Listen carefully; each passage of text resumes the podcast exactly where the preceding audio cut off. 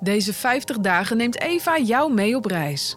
We starten een spannend avontuur, van Pasen tot Pinksteren en ontdekken wat jij echt belangrijk vindt. Op zondag vertel ik, Marleen Stelling, een eeuwenoud verhaal over mensen zoals jij en ik uit de Bijbel.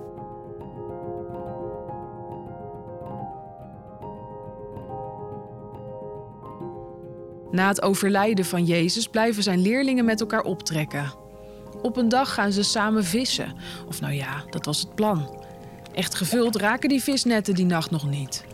Tot Jezus plotseling aan de oever van het meer verschijnt. Hebben jullie soms iets te eten? vraagt hij. Net alsof hij gewoon langskomt op een alledaagse dag. De leerlingen zeggen van niet, waarop Jezus hen instructies geeft. Het net moet aan de andere kant van de boot hangen. Ze volgen de opdracht op en warempel. Ze vangen bijna te veel vis om aan de kant te krijgen. Als de leerlingen terug aan land komen, heeft Jezus een verrassing voor hen klaarstaan. Een vuurtje met daarop verse vis en brood om samen te eten. Wat doe jij het liefst met vrienden en vriendinnen? En wat betekent vriendschap voor jou? Ben je wel eens iemand uit het oog verloren en heb je elkaar daarna toch weer teruggevonden?